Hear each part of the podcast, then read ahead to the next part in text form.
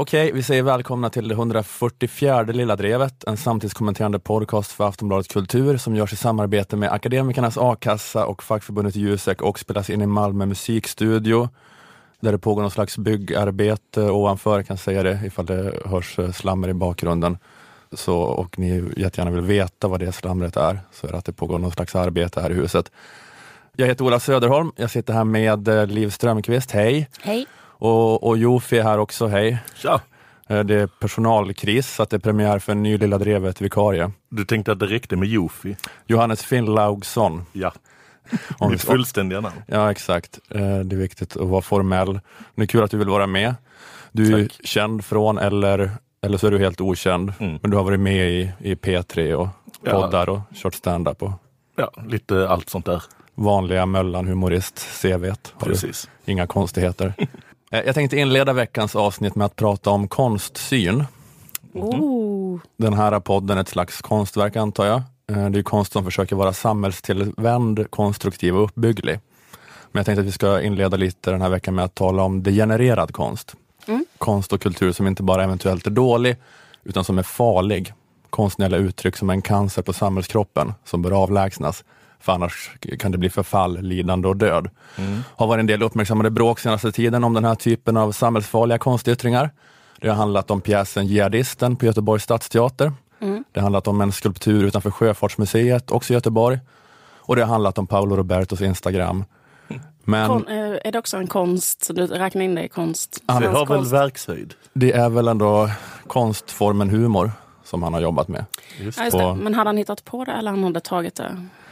Ja, men det är väl, alltså, Ja. jag, det, det, jag menar verkligen i ordets bredaste bemärkelse här. Det är väl- Konst lever sitt eget liv och kan reproduceras. Just det, Det är väl det är sant. Det är väl en, och det är väl en kulturutövning också om man är ett Creedence coverband. På samma vis som att det är konst när Paolo Roberto gör covers på Han har olika han pappaskämt har på sin gjort, Instagram. Eh, konstvalet att eh, välja, eller jag menar, han har gjort det konstnärliga utövandet att välja ut ett riktigt eh, kul skämt. Mm. Ja, eh, men det här är ju inget nytt. De hade problem med det här i Tyskland på 30-talet också. Mm. Man hade problem med den moderna avantgardistiska konsten som hade ett minst sagt negativt inflytande på samhället. Hitlers favoritkonstnär Adolf Ziegler Gillar han honom bara för de hade samma förnamn? Ja, ja det gjorde han. nej, men nej, jag jag ska komma till vad som var så bra med honom. Men han, eh, han var president för bildkonstavdelningen på Reichskulturkammer. Och han eh, fick så i uppdrag 1937 i München att göra en utställning som hette Degenererad konst. Och där ställde man ut de sedan nazisternas maktövertagande utstötta och förbjudna konstnärerna. Till exempel Max Beckman, Paul Klee, Marc Chagall och Otto Dix. Adolf Ziegler åkte landet runt och beslagtog verk av degenererade konstnärer. Väldigt problematiska verk. Det kunde vara konst som förolämpade den tyska nationalkänslan, konst som bröt med den naturliga ordningen, konstnärliga verk som avslöjade dekadens, svaghet i karaktären, mentalsjukdom och raslig orenhet. Konst som uppviglade till sabotage mot rikets försvar. Eh, och tanken med den här utställningen var att det skulle vara en kontrast mot den parallella utställningen som pågick samtidigt i München, eh, som hette Den stora tyska konstutställningen och då visade upp det bästa som tysk konst hade att erbjuda. Eh, vilket var den nazistgodkända nyklassicismen som eftersträvade harmoni och klassisk skönhet och porträtterade idealiserade bilder av den tyska folkgemenskapen.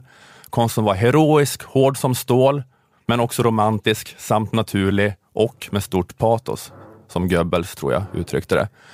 Bland annat då Adolf Zieglers egna tavlor ställdes ut där. Eh, och det som är så bra med Ziegler det är att han har kallats the master of German pubic hair, Jaha, det tyska pubishårets mästare. och det hade med hans konst att göra, det var ingen privat grej liksom. Det ena kanske, det utesluter inte Plus det andra. att han var jättebra på att måla könshår. Han trimmade det snyggt på sig själv och var otroligt, otroligt bra på att måla. Eh, Men det, det kan bland annat ses i tryptyken De fyra elementen som brukade hänga ovanför spiselkransen hemma hos Hitler. Bilden föreställer fyra nakna kvinnor, fyra germanska praktexemplar som representerar då varsitt av de fyra elementen, eld, jord, vatten och luft. Och deras nätta, rödlätta pubishår, det är mästerligt målat. Det är bara renhet, styrka och skönhet. Det finns ingen ironi, inga subversiva undertoner i hur det pubisåret har gestaltats.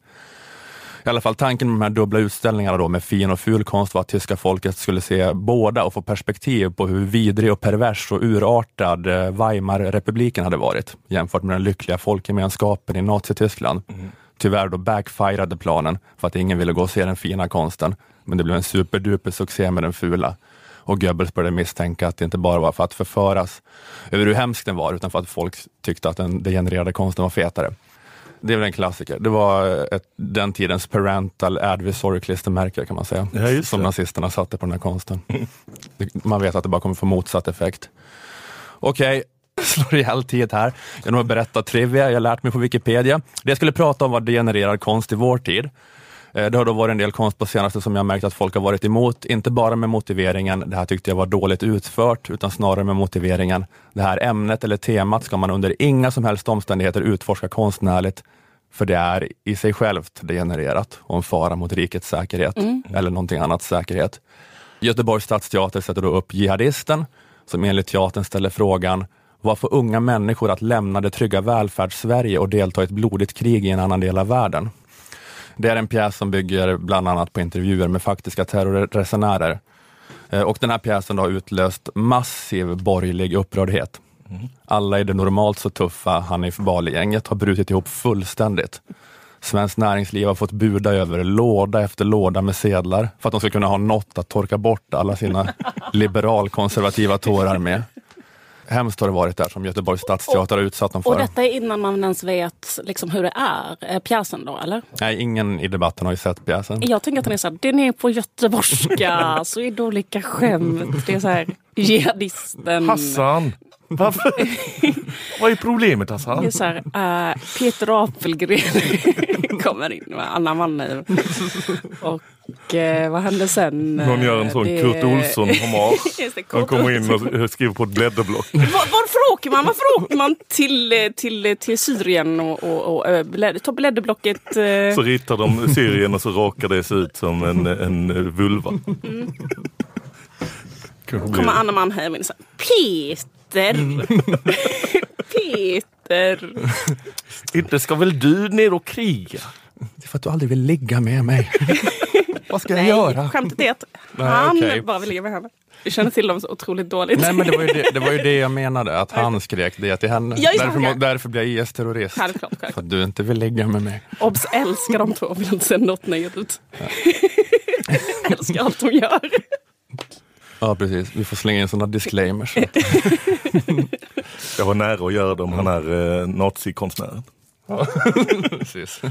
ja, men det är det jag tänker att det är det som finns i Göteborg och eller så är det så här en sån eh, rapgrupp. Skulle också kunna vara. Jag kan tänka mig att det är äldre manusförfattare som skrivit raplåtar till eh, yngre skådisar. Och med yngre skådisar menar jag 35-åringar. Mm -hmm. Men att det är kanske några sådana gamla liksom progg eh, nationalteatermänniskor. De som valde bort rockdelen av Nationalteatern och körde vidare på barnteater och sånt där. Mm. De kanske har skrivit. Jag menar att det också skulle kunna vara att Göteborgs stadsteater har gett så Kapten Röd en summa han inte kunde tacka nej till för att gå in på jihadisten och rappa typ mellan den här Kurt Olsson blädderblocket och eh, eh, Anna Mannheimers eh, monolog mm. om att det är så jobbigt att Peter vill ligga med henne. Det är något med Göteborg att de alltid involverar alla göteborgare i alla sina projekt. Är det så? Ja, men det, där... ja, det känns lite så. Jag, detta är inget eh, purfärskt exempel men Björn Afzelius video till tusen bitar. Va? Den är så himla konstig. Den är svartvit och han sjunger där pekoralet. Och så är det bara eh, liksom Thomas von Brömsen, Sven Wollter, Claes Malmberg och sådana som är bandet. Liksom, som bara, förutom Claes Malmberg verkar inte ha dykt upp på inspelningen. Så de har en, eh, en pappfigur av Claes Malmberg och så har de en annan tjockis som är klädd som Ronny Jönsson. Mm -hmm. Som står bakom baren. Okej. Okay. väldigt eh, fascinerande video. Ja, väldigt uh, intressant lösning med pappfiguren. Varför, ja. de, varför de tyckte att det skulle bli bättre. ja. Men det där har väl uh, Kalle Lind har gjort ett avsnitt av Snedtänkt om det där. Att, om, om den videon? Nej, om Göteborg som ja. subkultur. Att, uh, att det är en egen subkultur på ett sätt som inte Malmö eller Stockholm är. Ja, att, ja, men typ när Håkan Hellström spelar. Då är så, ju ofta Thomas von Brömsen med. Ja, men har du rätt, han står ju där någonstans. Ja, men då är alla som är från Göteborg med och Kapten Röde med. Alltså, mm. all, alltså Göteborg är den gemensamma nämnaren. hade Håkan Hellström inte varit göteborgare så hade hans musikstil varit den gemensamma nämnaren, kanske snarare att han hade bjudit in sådana människor. Men nu är det så här, vem som helst som är från Göteborg ska vara med. Och så lär det ju vara även i jihadisten. Det tycker jag man kan utgå från. Från de här exemplen vi hade innan. Och bara... De här exemplen som Ja, vi, vi hade innan. måste, ja, det måste vara... Vilken- Om vi ska gissa så tycker jag ändå det är en kvalificerad gissning att säga att Thomas von Brömsen och Claes Malmberg kommer vara med i jihadisten. Ja, ja, men ifall vi ska avsluta vårt gissande kring jihadisten och berätta vad de äh, jätteledsna liberalkonservativa gissat om den istället. Eh, så har eh, riksdagsledamoten för Liberalerna, Robert Hanna, han säger till Expressen att pjäsen ursäktar folkmord. Johan Lundberg skriver på Twitter att Göteborgs stadsteaters jihadistpjäs är det bakgrundsbrus som gör bidragskonfetti till islamister förståelig. Eh, moderata riksdagsledamoten Hanif Bali skriver då sarkastiskt, men ändå viktigt att Göteborg med kommunal teater nyanserar folk som spänner fjärrstyrda bomber på sjuåringar. Slutcitat. Bali var också med i Aktuellt och debatterade pjäsen han inte sett, vilket som sagt ingen av de här arga borgarna har gjort. Men han pratade om att eh, det här var ett exempel på, då, på det vidriga daltandet med terrorister. Programledaren påpekade att det är en teater och undrar exakt vad det är man ska begära av en teater. Men, men det är ju teater som, som sätter upp en pjäs. Det kan Men det här, teatern är ju såklart en effekt av det samhällsklimatet vi har. Det här är ju en- bara en manifestation över det problem vi har i Sverige. Att vi försöker i större utsträckning förstå de här barbarerna än vad vi försöker hindra dem. Ja, men det är väl möjligt då att Sverige varit slappa med IS-bekämpningen. Frågan är då hur man lägger det här på Göteborgs stadsteater. Att skulle det inte gå att tänka sig att rättssystemet slår hårt mot människor som krigat för IS samtidigt som en regissör i Göteborg gör en pjäs som är någon slags jävla socialpsykologisk utforskning om hur en terrorist blir till. Eller är det sab- sabotage mot rikets säkerhet? Kräver Bali att teatern gör en pjäs om en svensk Rambo som går från källarmoské till källarmoské i Biskopsgården och avrättar alla islamister. För annars är det ett svek mot den här då allmänna moralen och vår gemensamma war effort i kriget mot terrorismen. Måste hela samhällskroppen vara en här mot Det kan ju vara att han menar att det inte är hela samhällskroppen utan bara Göteborgs stadsteater som ska ta det här eh, jobbet. De har svikit sitt uppdrag nu genom att göra en pjäs. Det, det, men det är att de bara ska fånga terroristerna eller de ska... Stoppa dem. Ja, precis. De Bekämpa får lägga dem. ner eh, teatern och göra om den till en sån eh, medborgargarde. De letar upp dem och röker ut dem ur Mm, just sina bostäder. Ifall man tog alla pengarna i kulturbudgeten och la dem på Medborgargarden istället, så skulle det bli mera pang för pengarna. Expressens krigskorrespondent Magda Gad kallar pjäsen för så oerhört osmaklig och frågar sig om Sverige skulle sätta upp en pjäs som syftade till att förstå Breivik.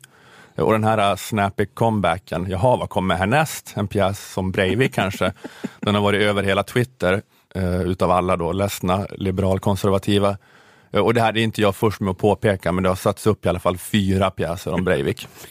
Det känns som den första industri. idén som en sån människa som sitter på ett sånt möte. Bara, Hur ska vi... Eh, vad, vad, vad, vad, ska vi vad ska vi ta nu? Vad, vad, vad, vad, vad, vad, ta pulsen på samtiden. Vi måste våga. Vi måste, ja. De har ju alltid såna pjäser, eller hur? Också hämta ut riktiga nazister från fängelset och sätta dem på scenen. Och, inte det var liksom hela teaterns...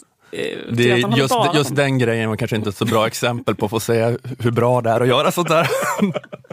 Det slutade ju inte jättebysigt. Det, Ja, men, Du tänker på filmen eh, Vägen ut som du inte uppskattade till fullo. ja, nej men, nej men precis, men, men i allmänhet är det ju så att eh, alltså just hålla på med rasism och nazism överhuvudtaget som ämne i konsten. Hur uppstår det? Hur går det till? Vad är mekanismerna? Vi ska förstå Hitler, människan, vem var han? Alltså det är en så oerhört vanlig grej att hålla på med. Vad är det liksom för jävla invändningar att hålla på med? Att så här, hur kan man behandla tunga ämnen som ondska i konst? Vad är det för sjuk idé? Konst ska ju vara en oljemålning av en fin häst eller germanskt pubisår. En så chockerande nivå på svensk borgerlighetskultur, analfabetism. Vi har ju för sig inga kulturborgare i Sverige då, vi har bara Reinfeldt platt-tv-borgare. Man blir ändå lite så här chockad varje gång över hur, hur illa det kan vara. Så här, jag har kultur där man utforskar och förstår jihadism. Nu väntar vi bara på att någon ska utforska och förstå rasism. Vad är det, liksom, vad, vad är det att vänta på? Alla, alla har gjort den bo, alltså alla har gjort den boken, filmen, pjäsen, tavlan, låten som handlar om rasism. Alltså det är sådär, pjäs om, vad händer härnäst då? efter pjäs om jihadist, ska det komma en film som utforskar maffian kanske? Nej, det hör ni hur sjukt det låter. Det skulle man aldrig göra. För maffian dödar människor och sånt får, sånt får inte skildras konstnärligt.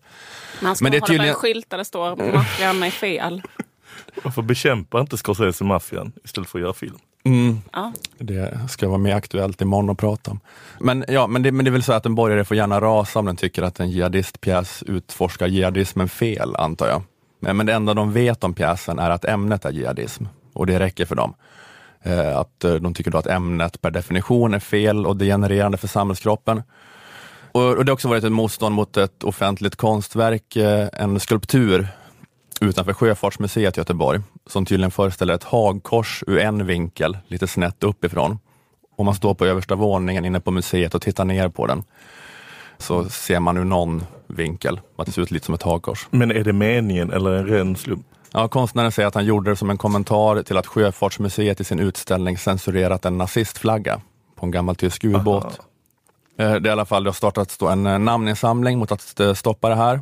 Och en genusforskare och kulturjournalist som heter Kajsa Widegren skrev en text om det i GP. Och jag menar inte att man måste, måste gilla det här konstverket, men det är bara något så här med att tro att det är ett sånt våld i det. Att det är det tonläget. Hon skriver så här, citat, eh, som rom, afrosvensk, queer, anarkist, judisk, socialist, nej, judisk, komma socialist. Både, jud, både judar, socialister och judiska socialister ingår i det här antar jag. Eller feminist etc. etc. Ifall du är något utav allt det här, då är du mer eller mindre utsatt för nynazistiskt våld och trakasserier. Det är därför den otroligt flata hållningen som Björn Varenius, chef på Sjöfartsmuseet, intar, eh, gör mig så förfärad. Slutcitat. Eh, jag vet inte ifall det här exemplet är lika bra som det förra om jihadistpjäsen, men det är bara det här med att, att de tror att formen på ett hagkors är magisk, så att kontexten är ointressant. Det är ett hagkors och det är alltid ett våld mot utsatta grupper på exakt samma sätt. Så mekaniskt är det. Gör någon den formationen av streck, spelar ingen roll om det är en konststudent som vill hålla på och problematisera triggervarningssamhället. Det är exakt samma trigger och samma våld ändå. Att de tror att det är så det kommer gå till, liksom, nazistövertagandet. Steg ett, det här är överklassglinet på Valands konstskola, gör någon slags ful byggställning utanför Sjöfartsmuseet, som ur en vinkel ser ut lite som ett hagkors. Steg två, ap- apartheidlagar införs. Steg tre, Hitler flygs in från Argentina. Men får jag bara säga en sak? Jag kan säga att jag har kanske tre alltså, nära vänner, nu räknar jag inte um, i yttre bekantskapskrets, som har sökt in och kommit in på konsthögskolor med mm, vad heter det, variant? Med hakkors? Ja, men det blir så världens vanligaste idé. Men då är det Alltså, kanske menar- en men- konspiration att de verkligen de är en hemlig nazistisk organisation och vill sprida det via konsten. Jag menar mer att så här, det är, liksom, det är typ nästan det vanligaste man kommer på om man ska tänka så här.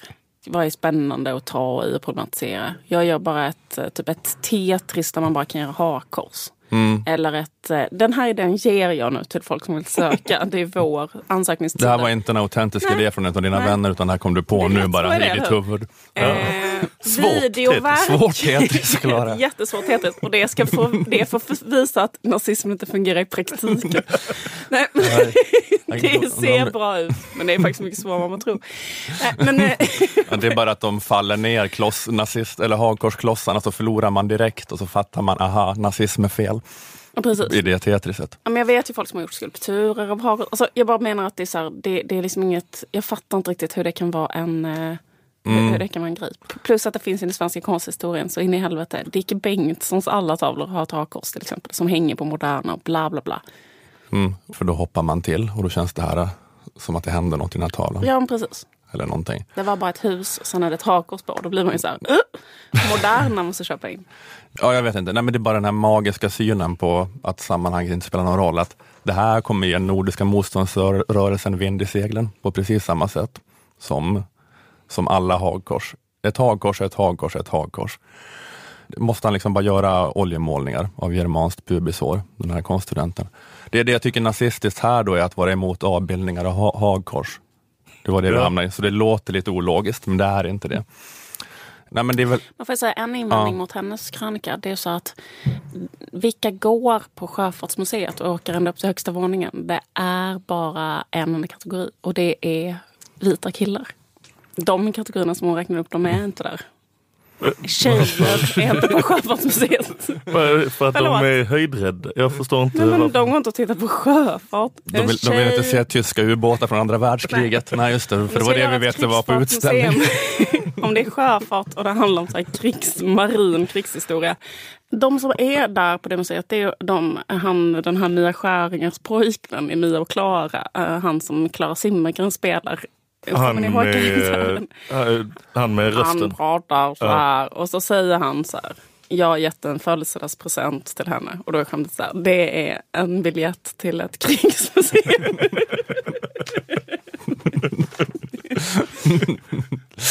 Eller något ännu tråkigare.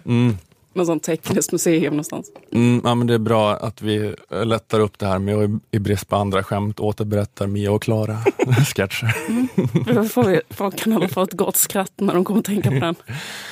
Ja, jag vet inte, men det är så här, en sak att man inte gillar konstverket eller tycker att det är lite oskönt, men att man bara kan man bara sluta skriva artiklar där man eh, låtsas som att det är politisk propaganda. Att man, man, man liksom polemiserar mot exakt som det var politisk propaganda när det, när det uppenbarligen inte är det. Eh, men, men eh, sen var det här då med Paolo Robertos Instagram eh, och jag vill ogärna hoppa på Filip och Fredrik som, som kille. Det finns en särskild plats i helvetet för killar som inte hjälper varandra, som jag brukar säga. Men jag kanske framförallt som poddare vill jag inte hålla på att göra det. De är ju kingarna, jag är bara en småpåve. Men det var ju inte så lyckat, eh, hela det här Paolo Roberto-gate. Det behöver inte jag prata om egentligen, många har redan sparkat in den här dörr- dörren. Ja. Men en kort recap för människor som inte är lika klistrade vid mediaflödet som jag är, är väl typ att eh, renässansmänniskan Paolo Roberto eh, jobbade med det konstnärliga uttrycket humor på sin Instagram. Han la ut skämtet Bröst är beviset för att män kan tänka på två saker samtidigt. Filip och Fredrik plockar upp det. De pratar i Breaking News med Gudrun Schyman som säger att det är sexistiskt och förjävligt. Eh, Ida Östensson från organisationen Fatta är där och säger att eh, skämtet i förlängningen leder till våldtäkt. Kan du bara liksom förklara för Paolo varför det inte är okej att lägga ut en sån här Insta? Varför det är kontraproduktivt eh, mot, mot den här jämställdheten som han då ändå säger att han är 100% supportive av. Bland Ja. annat. Alltså, vi som kämpar mot sexuellt våld och för samtycke varje dag ser ju hur det här hänger ihop i en tydlig våldspyramid. Men att jag ska inte bli för akademisk. Jag ska säga, hans sexistiska skämt gör att någon annan tycker att man kan få stirra på någons patte. Någon annan vill klämma på den. Och någon tredje vill ha sex med någon som inte har visat att den vill. Det är en del av samma struktur. Ja, och sen fortsätter det med att Filip och Fredrik försöker pressa David Helenius till att sluta gilla en Instagrambild som Paolo Roberto lagt upp. Får jag säga att jag Eller? tror att liksom en del av att det var ett, alltså, li- lite som så här, vi jobbar med skämtet att vi nördar in oss på en pytteliten grej. Så uppfattar jag ändå skämt typ så här, eh, vi ska jobba i en timme med att hålla på eh, med att så här, någon ska ta bort en like på Instagram. Så att skämtet är att vi håller på enormt mycket med en pytteliten grej. Får jag säga till deras försvar, för det tycker jag inte riktigt har kommit fram. För det har ju låtit som att så här, de tyckte att det var en så stor grej, men Okej. det är väl ett skämtsätt också säga så. Ja, ja exakt. Det är, det, är, Men det- det, är, det är en vanlig grej de brukar hålla på med. Och, Men det och, kan vara att de har och gått alla andra vilse. som har en talkshow har ju det skämtet, eller hur? Typ så här, nu ska Ja. vi göra en pytteliten grej till en... Men det känns ju som de tycker ju ändå... De eh, tycker ju det. Så att det är ju sån gå vilse i sin egen ironilager-grej. Liksom. När de väl då har lagt jättemycket tid på detta så kan de ju inte eh, låtsas som de bara tyckte det var ett skämt, eller så här, trams från början. Alltså de tycker ju att från början att, eh, alltså det råder väl inget tvivel om att de tyckte att det här var eh, sexism och det eh, ledde till... Ja, men de sattes ju ändå verkligen i knät på den här Ida Östenssons eh, beskrivning Ja. av hur saker och ting funkar. ja. Eh, men sen det mest, eh, det, det mest urspårade med det här var väl att en politiker i Feministiskt initiativ fick sparken också för att han skrev en krönika om att skämtet inte var så farligt och Oj. att man borde fokusera på andra saker. Någon lokal politiker, så här 17-årig lokalpolitiker i Småland någonstans tror jag. Blev utrensad sen liksom. Ja precis, han försvann i eh, en utrensning, utrensningskampanj. Var nolltolerans. Suddades bort från alla gamla fotografier. Ja men det, det var det är då att det här, här var det då ett skämt som inte då bara var dåligt utan det var farligt. Ja, det, är det är inte ens ett rapeigt skämt ju. Nej, men jag menar, det här är ett skämt som... Eh, eh, alltså jag ska säga, eh, det är väl kanske min farmor eh, skulle kunna säga det här skämtet till min farfar. Eller alltså den generationen. Mm, mm. Eh, det är sånt gum, gum, Ja. gummor och gubbar skämtar med varandra. Det är Han ett säger till som- henne att hon inte kan fickparkera. Eh, hon säger till honom att... Ja men är inte det den typen av skämt. Jo men det känns som ett sånt här skämt i en eh, lokalrevy där eh, de största skratten är från eh, tanter. Ja, Sådana, sådana skratt. vi gör igen. Det är, Ja, ja, men det är jättebra. Nu har vi ringat in det här skämtet ordentligt. Men skämtet handlar om så här, hur, hur karar är. Ja, jag ändå exakt. säga att det är genren karar. gubben min där Mm. hemma. Sådana skämt. Ja, ja, ja. ja eh, alla... alla har redan tröskat det här. Ja, ja. Eh, Så att jag, jag hade egentligen bara en sak att tillägga till det här och det är att jag tycker att det är lite lustigt att en av Filip och Fredriks största hits är det här med att lyfta upp Sivert Öholms eh, 80-tal. Mm. Eller hur? Eh, hela den här grejen med eh, W.A.S.P. We are Satan's people. Eh, Att Sivert, eh, att han fick moralpanik över den livsfarliga hårdrocken och hade ett debattprogram. eh, Ett avsnitt av Svar direkt där han ägnade det helt åt att Ja. hårdrock är fel. Han hade bjudit in hela Frikyrko-Sverige som hetsade mot redaktören för tidningen Okej för att han spred de här fasorna som då skulle göra hela svenska ungdomen till djävulsdyrkande ritualmördare. Typ.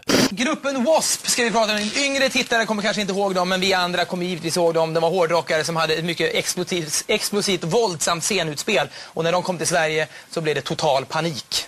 det amerikanska bandet eh, W.A.S.P. We are Satans people, vi är Satans folk. Men förstår du ingenting av ditt eh, moraliska ansvar för vad det är ni lyfter fram? Här är det kedjor och eh, det är satansdyrkan och det är alla möjliga konstiga sätt att eh, uppträda med sågklingor i skrevet. Men det är lustigt att det var en av deras största hits och nu har de i och med det här Paolo Robertos skämt leder till våldtäkt-hysterin skapat framtidens W.A.S.P-klipp. Att det är väldigt ironiskt. Att framtidens 100 höjdare knäppa klippprogram från Sveriges historia. De har så här 2010-talets största hjärnsläpp på plats ett. Filip och Fredrik får moralpanik när pastasås-entreprenör drar pappaskämt på Instagram. Och så kommer det sitta någon Filip och Fredrik killar om 30 år och så dissekera det. Så hålla på och loopa eh, liksom den sekunden när Ida Östensson säger någonting om att det här Det var väldigt bra. eh, våld. Det, det märks att du kan din Filip och Fredrik. Det var väldigt... eh, du kan få jobb där som redaktör tror jag. Ja, ja, det här var i alla fall, eh, det, men det, det, var, det var tre exempel, eh, vilket man behöver för en spaning. Paolo Robertos Instagram, Sjöfartsmuseet och eh, jihadisten. Spaningen är väl då bara att alla är Hitler, antar jag. Att alla blir arga om konstutövare utforskar något annat än germanskt pubishår. Eller alla har sin version utav det som är eh, inte germanskt. Eller jag vet inte hur det blir. Men eh, det anses ju i och för sig, det anses ju bara vara en fjantig provokation och förolämpning att komma dragande med Hitler i en debatt. Men jag tänker att det gör inte så mycket om man kallar alla för Hitler. Alltså jag säger att de liberalkonservativa, intersektionella vänstern och Stockholmsmedieeliten, alla är Hitler. Och då tror jag att ingen tar åt sig så mycket. Att det är som när man säger att alla, alla eh, är ansvariga för klimatförändringarna. Det går inte att känna sig så utpekad. Nej. Så, nej, men alla, alla är inte Hitler, men alla är Sivert Öholm. Att det har blivit en folksport att vara Sivert Öholm. Mm. Alla tycker att någon kulturyttring idag är lika livsfarlig som Sivert tyckte att hårdrocken var 1984. Han fick rätt efter sin död. Så fick han eh, fler följare. Men det är som att allas tolkning av vad som var dumt med Sivert Öholm var att han var emot just hårdrock. Mm. Att det är så man har tolkat, att det, att det var det som var grejen. Sivert Öholm var rädd för hårdrock. Att man som inte kunde så här, höja Tired of ads barging into your favorite news podcasts? Good news. Ad-free listening is available on Amazon Music for all the music plus top podcasts included with your Prime membership. Stay up to date on everything newsworthy by downloading the Amazon Music app for free or go to amazon.com slash news ad free. That's amazon.com slash news ad free to catch up on the latest episodes without the ads. abstraktionsnivån och överföra alltså vad som är så problematiskt med att ha den konstsynen i allmänhet, utan man så bara, aha, vi skrattar åt honom för att han är emot hårdrock. Att det inte var moralpaniken som var fel utan eh, bara just eh, hårdrock. målet hårdrock. Ja, exakt. Det är det. Det, det, det är den sensmoralen vi har, tog med oss från det här med Sivert Öholms eh, 80-tal. Det är inte fel med moralpanik, det är fel med hårdrock. Att ha moralpanik över just hårdrock. Det var det vi lärde oss. En grej, eftersom du återkom till det här eh, germanska pubishåret några gånger. Så vill jag bara försäkra mig, har du sett de här tavlorna? Ja, det har jag gjort. Är han särskilt bra på att måla pubishår eller är det bara att resten av tavlorna är riktig skit? att det bara sticker ut att det är det enda han har lagt ner energi på. det är en huvudfoting med pubishår.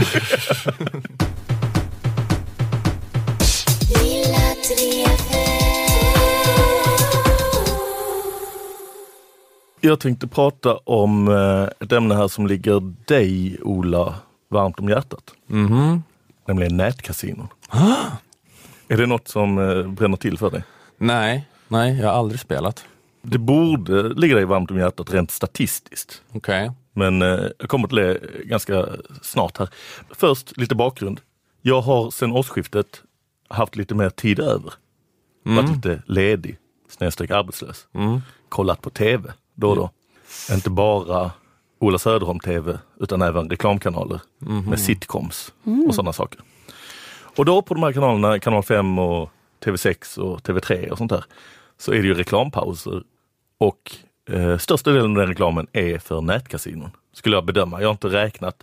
Men det är väldigt, väldigt mycket nätkasinon. Det är intressant för att jag ser aldrig på vanlig tv känns det som. För att Nej. jag, jag har helt så här, tappat eh, känslan för vilka som är de vanliga reklamfilmerna och så vidare. Men det är lite så här eh, McDonalds, Burger King och sånt, men eh, väldigt mycket Eh, mig ändå... Mm. Så att det är liksom TV3s tablå är så här.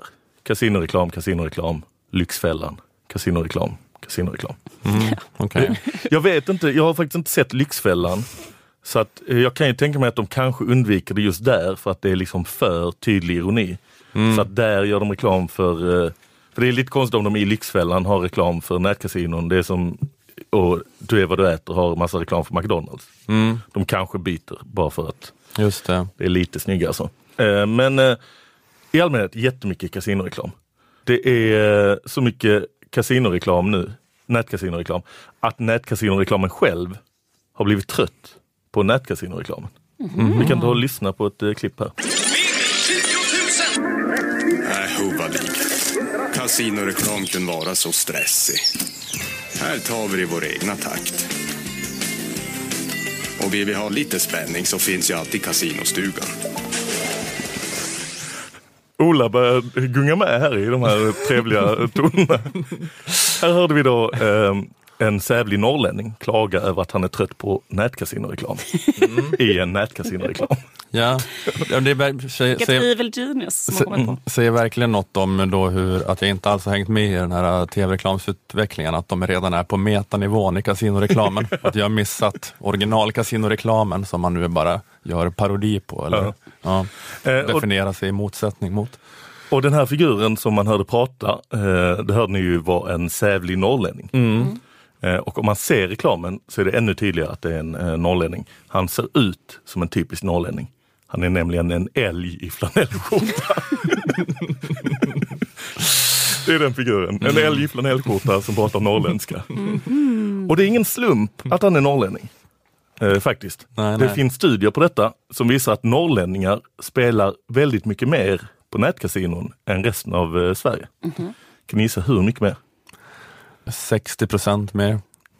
Fem gånger mer. 500 procent mer Oj! blir det väl då. Det är väldigt, väldigt, väldigt mycket. mer. Ja, Om man tänker liksom så här, det var ju ett avslöjande när Jimmy Åkesson spelade på nätkasino. Och då var avslöjandet, han har spelat för eh, en halv miljon redan i år. Var det då när de rapporterade. Och då är han en genomsnittssvensk. Hade han varit norrlänning hade han spelat för två och en halv miljon. Det är väl inte definitionen av Ja, men genomsnittssvensk jag tror- att man inte är norrlänning. Det kan väl Ja, men jag andra tog en helt genomsnittlig vanlig icke-norrländsk svensk. Det råkade bli Jimmy Åkesson. Och då får man tänka hur mycket norrlänningar spelar hans i jämförelse med var honom. att han bodde i, Skå- i Sölvesborg. Alltså hade han bott i, i, eh, i Norrland så hade det inte varit en grej överhuvudtaget. Nej precis, då hade han varit eh, sn- snäppet under medel Ja. i hur mycket han spelade. Hade han varit en älg så hade ingen reagerat. Men eh, som sagt, det är ingen slump där, men, men det är ett mysterium riktigt varför det är så här enligt den här eh, undersökningen som jag läste och som gjordes i december förra året. Som då är liksom att Visst, det finns en viss förklaring att eh, de har längre till sina mm, lokala, de kan inte spela lika mycket i butik. Nej, Så att de eh, spelar mer på nätet. Mm. Men det kan liksom inte förklara den här extrema skillnaden. Nej. Men eh, det är också då att eh, norrlänningar i högre utsträckning passar in i målgruppen för nätkasinospelande. Som då är eh, unga män med medelinkomst, med gymnasieutbildning, men ingen längre utbildning än så. Mm. De har gått till gymnasiet, har ett jobb, tjänar pengar, är ensamstående. Men det är väldigt eh, ledsam statistik där. Norrlänningar spelar fem gånger mer nätkasino Mm. än andra. Det, Alltså, det Jimmy bara skär i hjärtat. eh, skyllde väl på sin fru, gjorde han inte det? Alltså var inte det första, det första de sa var så här, det är min fru som gjort det? Ja, de gillade att göra det tillsammans, var det det de sa? Nej, ja, men det var ju underförstått. Okej, han sa inte, ja, Ja. det var, men det var liksom ändå ett sätt att säga, det är min fru som har gjort det, fast på ett pyttelite finare sätt. Mhm. Var är hon från? Hon är inte norrlänning i alla fall? Väl? Jo, det Är är hon? hon. Det är hon. Är hon inte det? Ja, hon Är kanske hon från Gävle eller sånt där, eller? Nej, Nej. hon är längre norr uppifrån. Okej. Men Gävle För räknas som hon är ju barn till deras, ehm, hon som sa det här, eh, 500 miljoner tusen. det var jättestor siffran. Ja, men jag tror att de är från Mm. södra Norrland någonstans, så att det, det stämmer nog. Ja. Men eh, detta gör då att jag eh, känner att jag har liksom lyckats sätta fingret på det norrländska kynnet. Mhm. Och här tänker jag då du som norrlänning här Ola får eh, säga till om det här övergår till hets mot folkgrupp. Mm. Om jag är liksom för hård mot norrlänningar så kan du kanske bara göra så här. Ja, jag ska, jag ska verkligen säga till om jag blir triggad. Om Ja. jag känner en trigger. Om du trampar på mitt identitetspolitiska projekt Ja. som norrlänning. Men vi har då att det är norrlänningar spelar jättemycket nätkasinon eh, och de som spelar är främst eh, eh, män med medelinkomst och gymnasieutbildning men ingen längre utbildning än så. Så då tänker jag att det norrländska liksom, norrlänningen kokas ner till att de uppskattar det näst deppigaste livet har att erbjuda. Mhm. För att man Ah, tänker så här, kasinospelande. Om man vill spela på kasino, vad är drömmen? Las Vegas. Var på ett stort flådigt kasino. Det är servitriser i guldbikini som serverar en drinkar. Det är party, det är kul. Det allra sämsta alternativet är ju att inte spela alls. Att man inte får spela, eller att man spelar rysk roulette i en källare i, i liksom eh, Novo, Sibirsk. ja, Novosibirsk. Det är liksom det deppigaste. Men det näst deppigaste är ju nätkasino då, kan man tänka. Ja, att det är en eh, fullstil, det, det är okej om man Men vill det är också spela det i så fall kasino. det näst eh, roligaste. Ja, det finns ju en, en större skala här som jag, som jag inte orkar definiera på varje. Men för jag, har- jag har lite fler exempel på, Mm, mm. på när norrlänningar väljer nästa. Om man är sugen på fisk, då vill man väl äta en god, fint tillagad fisk. Mm. Det sämsta är väl rutten fisk som man dör av om man äter. ja, det måste vara. Men norrlänningen har då hittat den här medelvägen. Mm. Rutten fisk som inte dödar dig. Just det. Man har liksom, den har ruttnat under kontrollerade former. Och stinker. Vi pratar om din favoriträtt, Ola Söderström, såklart. När åt du det senast? Ehm, jag vet, det kanske var i, i, Förrgår. Måste jag spela med nu? Nej, men vi, kan, vi behöver inte bara prata surström, vi- även annan fisk då, eh, som är lite mer eh, vardagsmat. Mm. Kanske framförallt i Norrland, är ju sill. Just det. Och sill tänker man, om man är sugen på sill, tänker man då, det, det sämsta, ingen sill. Det bästa, sill som inte innehåller jättemycket dioxin och eh, vad är det, PCB. Mm. Men norrlänningen väljer, jag tar den här PCB, alltså den här fisken som inte får säljas i något annat EU-land. Mm. Svensk sill får inte säljas utomlands för den innehåller för mycket gifter. Får inte vanlig svensk sill det heller? Det är inte bara surströmmingen? Nej, Jag tror det är eh, olika sorters inlagd sill Mhm. som inte får säljas för att eh, det är liksom över giftgränsnivåerna. Men man har gjort undantag. För att norrlänningarna så himla gärna vill äta dioxin. Just det. Det är det som ger den lilla extra goda smaken. Ja, exakt. Man är ju alltid så lite orolig över att köpa utan dioxin. Att Mm. man fattar att det är bättre, men det, det kanske är lite äckligare, tänker man. Jag kollade upp så här, eh, eh, eller Livsmedelsverket som hade rekommendationer. Och de är ju, med vissa grejer är de så här, ah, det är ingen fara, vi vet inte om eh, sånt här som på olika bloggar och familjeliv och sånt varnas för. Mm. Så säger ofta de att nej men det är så små halter kvicksilver, Mm. ingen fara. Men med sill, eller fet fisk från eh, Östersjön, så är det, ni vet vilka som inte ska äta det överhuvudtaget. Foster. Eh, foster. jag har inte ätit det. Nej men det är så här, det är eh, barn, Ja. gravida Mm. och kvinnor i fertil ålder. Alltså halva befol- eller alla kvinnor mellan typ eh, 13 och 45 ska Okej. undvika sill överhuvudtaget. Andra grupper i samhället ska äta det sällan. Okej, fan vilken hård mat ändå. Ja. Att det är så här, äh, man måste ha slutat menstruera. Man kan inte äta det som preventivmedel. alltså. Ja, Jag tror det är bara att det liksom, eh, ger väl lite fosterskador kanske. Mm. Att, Det är det eh, därför är den här importen av thaifruar. För att alla norrländska kvinnor har förstört sina, sina re- reproduktionsmöjligheter. Kan de det vara- inte kan låta bli den här dioxinfisken. Men annars eh, är det en del i min spaning här eh, om eh, norrlänningen att kanske det deppigaste om man vill leva i ett parförhållande, som de, de flesta då eftersträvar, är ju då att träffa någon man älskar som älskar en tillbaka och gifta sig med den. Så du att det var det deppigaste? Nej, nej jag menar att det Är det någon emo-grej du håller på med nu? För det slutar ändå med att hon krossar ditt hjärta, eller? nej, Jag trodde att du skulle säga den här grejen. Om man vill ha ett barn så det bästa är att ha ett odioxinskadat foster. Det är det bästa. Det deppigaste är att inte få något barn alls. Men då väljer de medelvägen Ja. som är ett dioxinskadat ett, ett barn med några fingrar färre och sånt där. Nej men i, i uh, giftermål tänker jag då att om man vill leva sånt här, uh, eftersträva ett, ett fint kärleksfullt parförhållande, då är det ju att man siktar på att träffa någon man älskar, som älskar en tillbaka Mm. och gifta sig med den och leva tillsammans. Mm. Det deppigaste är ingen tjej alls. Mm. Medelvägen, det norrländska kynnet, är att importera en kvinna från Thailand. Ja, Som man kanske inte har jättemycket gemensamt med, mer än att hon är beredd att komma hit. Mm. Tidigare så har, det ju, eh, har man ju kunnat höra norrländska i eh, reklamfilm för annat. Öl. Just det. Norrlands guld var ju norrlänningar. Mm. Man tog in eh, stockholmare som eh, pratar norrländska. Som jag fattat det. Mm. Spelar norrlänning. De hade inte kommit på det här att klä ut dem till älg. Nej, Utan de var bara klädda i så här, tryckerkeps och nätbrynja och sånt där. Men har man skruvat upp tydligheten ännu mer och bara har en älg helt enkelt. Ja. Men man får ju inte göra reklam eh, för eh, starköl. Så det är ju alkoholfri öl eller lättöl de gör reklam för. Guld. Då är det ju samma sak där. Att när du är sugen på öl, vad är det bästa? En riktigt god öl. Mm. Det sämsta, ingen öl. Mm. Den här medelvägen. Alkoholfri Norrlands Guld. Ja, ja. Där skulle jag nästan säga att ingen öl är bättre.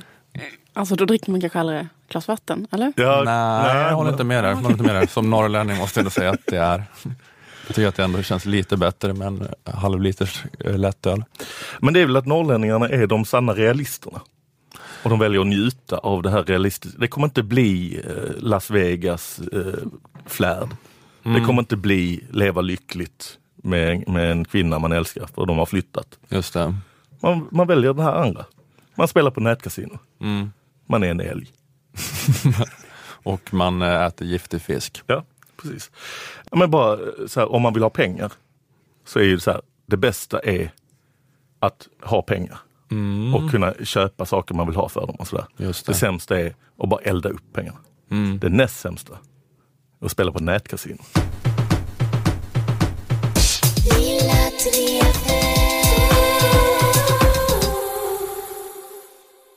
Lilla Drevet görs i samarbete med Akademikernas a-kassa och fackförbundet Jusek. Att vara med i Akademikernas kostar bara 100 kronor i månaden. Det är nästan ingenting, 100 kronor.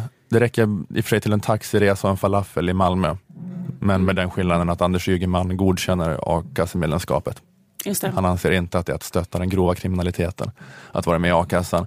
Eh, på akademikernas.se kan du läsa om hur du gör för att gå med i a-kassan. Där kan du också läsa om varför det kan vara en bra idé att gå med redan när du är student eftersom att du kan bli berättigad till en ganska rejäl ersättning bara genom sommarjobbande och extrajobbande under studietiden. På akademikernas.se räknare finns också Akademikernas räknare där du genom att fylla i din inkomst eh, senaste året kan räkna ut vad du skulle få i a-kassa. Ni som arbetar i Jusek-branscher bör även gå med i fackförbundet Jusek. Då får ni bland annat inkomstförsäkringen som skyddar er ända upp till 80 000 kronor. Ni får alltså 80 procent av lönen upp till 80 000 kronor. Att vara med i Akademikernas och Jusek kostar 351 kronor sammanlagt. Är du redan Akademikernas medlem lägger du alltså bara till 251 kronor för att också få vara med i facket. Tar du steget och går med i Akademikernas och snedstreck eller Jusek tack vare den här podden får du gärna skriva det i din ansökan. Du kan också berätta om det i sociala medier under hashtag Lilladrevet.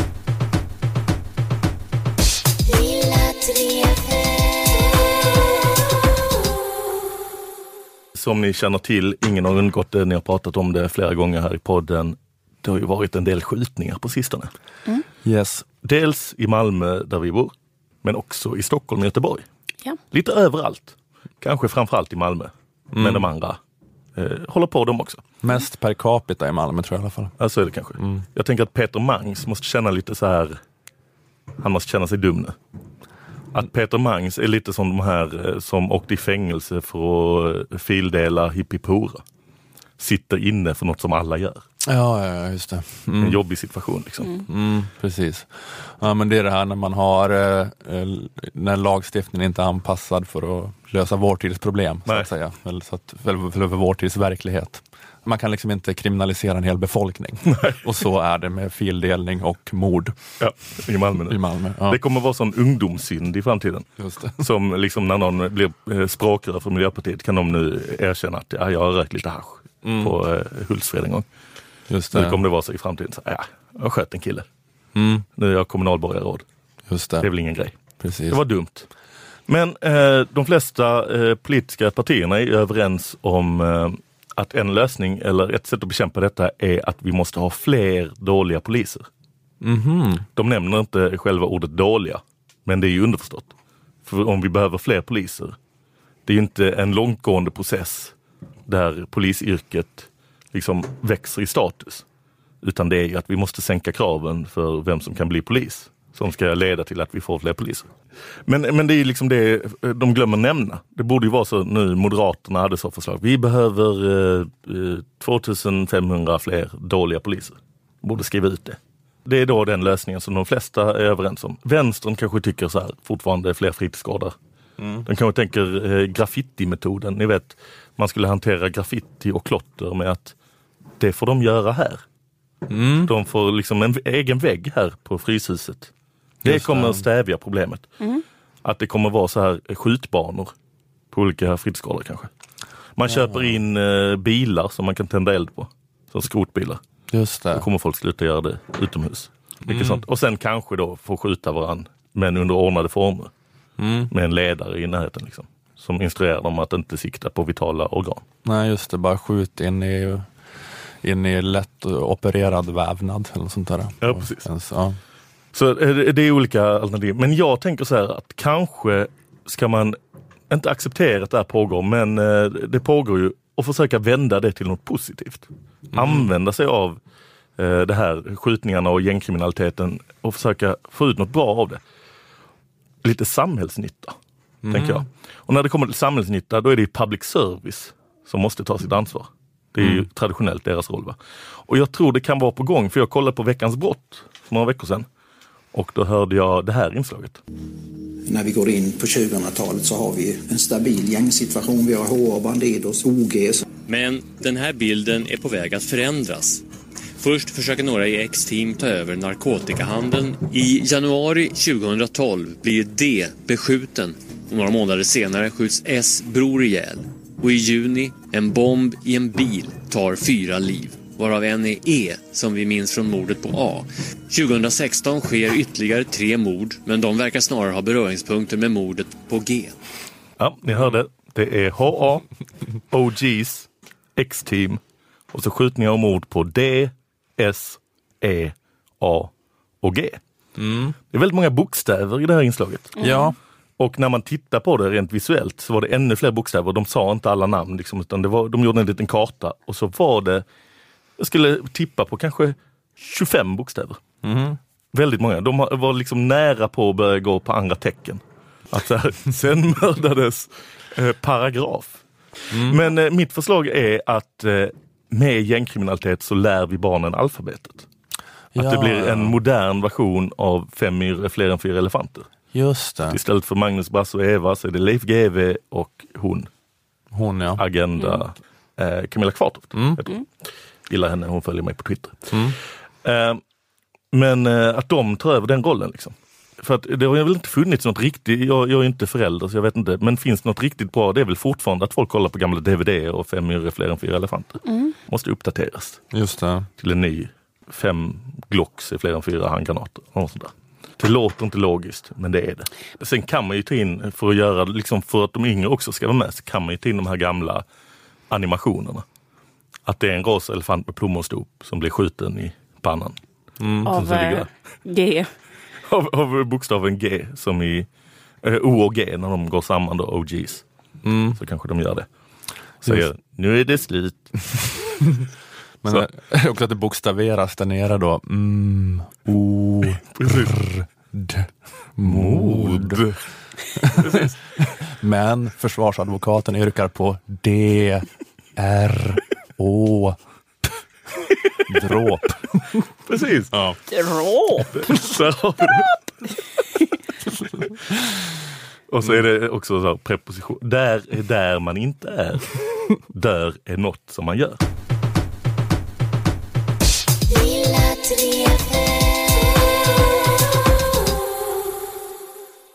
Okej, nu måste du sticka ifrån Jofi. Ja, jag ska med ett tåg. Du ska gigga uppe i ABC-regionen. Ja, Uppsala, Stockholm. Precis. Är det något man kan kolla på eller kommer det här att ha sänts eh, redan då? Det som är första i Uppsala kommer nog redan ha varit. Mm. Eh, Stockholm, Ja, det- vi kommer på torsdag, så det, nej, nej, det har också varit då va? nej det är torsdag i Stockholm. Just Är det oslippat att prata om tv-spel. Jag tror det kan vara nästan slutsålt redan. Okej. Men annars så kan man ju se mig på eh, Under jord varannan onsdag i Malmö. Tycker jag verkligen man borde. Just en det. skitbra ståuppklubb. Mycket, mycket bra klubb. Ja. Och, sen har jag Youtube-kanalen. Okej. Wow. Jag är en av, en av Sveriges största Youtubers. Är du? Över hundra prenumeranter. har jag. Mm. Och så finns jag på sociala medier. Johabed. Just det. Ja. Ja, och ehm, ja men precis. Och Men du, men du måste, du måste rusa till tåget nu. Ja, det var därför jag bara slängde ur mig en massa reklam. Exakt. Mm. Det Så är, Jag är ledsen. Ja, nej, men vi, är, vi är glada att du kom hit och Ja. hjälpte oss i den här äh, krångliga situationen som uppstod. Eh, men, Tack för att jag fick vara med. Ja, tack själv. Var Tack så mycket. Vi, vi hörs Ses och ses. Hej. Då.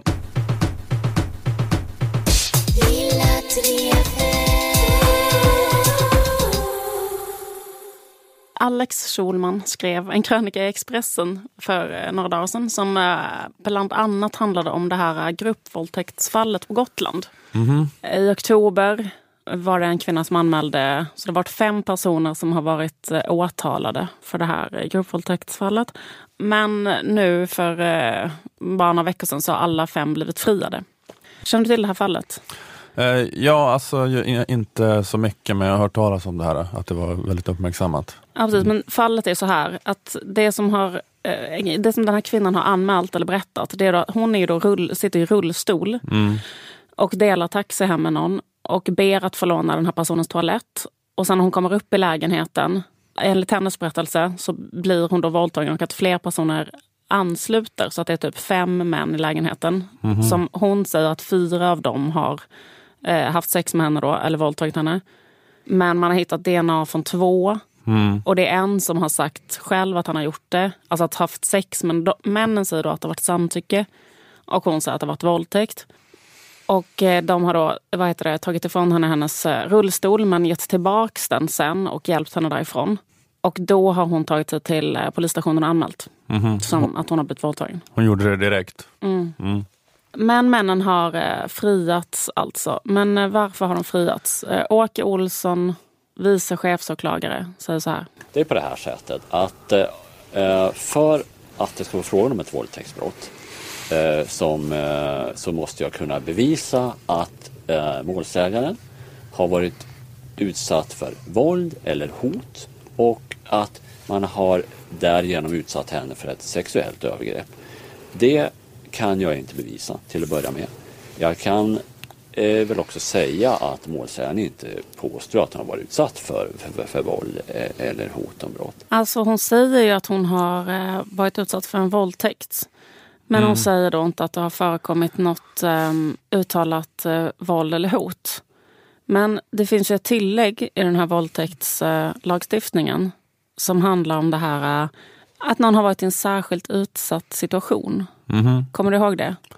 Eh, ja, eller jag känner igen det. Alltså, jag kan inte det här i detalj. Men ja, det, men de har ja. ju lagt till det därför att det har varit, varit en massa uppmärksammade fall där det har varit så att en tjej som har varit så medvetslös av sprit och sådana saker. Och då eftersom hon inte har kunnat säga nej eller göra något motstånd, Mm. att det finns, man har lagt till någon extra grej som heter att hon har varit i en särskilt utsatt situation. Den här situationen som den här kvinnan befann sig i skulle inte den kunna räknas som det? Frågar man då Åke Olsson. Nästa stycke i eh, våldtäktsparagrafen talar om huruvida målsäganden varit, utsatt, eh, varit i en särskilt utsatt situation. Och eh, inte heller det kan jag bevisa. Jag själv som eh, åhörare av det här tänker ju så här. Eh, vad är, vad är liksom en särskilt utsatt situation om det inte är särskilt utsatt att ha en rullstol och vara själv i en lägenhet med fem män. Mm. Så känner ju jag när jag eh, hör den här eh, domen. Men hur tror den vice chefsåklagaren Åke Olsson att man uppfattar den här domen när man hör den? Och jag tror att människor när man tänker efter och möjligtvis försöker sätta sig in själv i den situationen att man är misstänkt för någonting. Eller ännu värre, att ens barn skulle vara det. Då vill man att rättsväsendet ska bestå av människor som är sakliga och objektiva. Jag tyckte bara det var något komiskt med det här. Liksom så här jag tror att människor, när de sätter sig in i den här situationen, då, då tänker man att man sätter sig in i, i situationen av offret. Han bara, om man sätter sig in i situationen att man själv skulle vara anklagad för våldtäkt. Eller ännu värre, så tror man, det är nu han ska säga, eller ännu värre, man blir utsatt för en våldtäkt. Det vill säga, Mm. Eller ännu värre, ens barn blir uh, anmälda för våldtäkt. Mm. Han tänkte sig någon slags sånt eh, scenario där eh, varje gång jag hör om ett våldtäktsfall, som den här färgvåldtäkten eller något sånt, där männen har blivit friade då, fastän kvinnan upplever att hon har blivit våldtagen och anmält våldtäkt, så ska jag tänka, gud vad härligt, eh, vad skönt det här känns. För tänk om det var mina söner som hade gruppvåldtagit någon på en färja. Vad skönt det skulle vara om de blev friade då.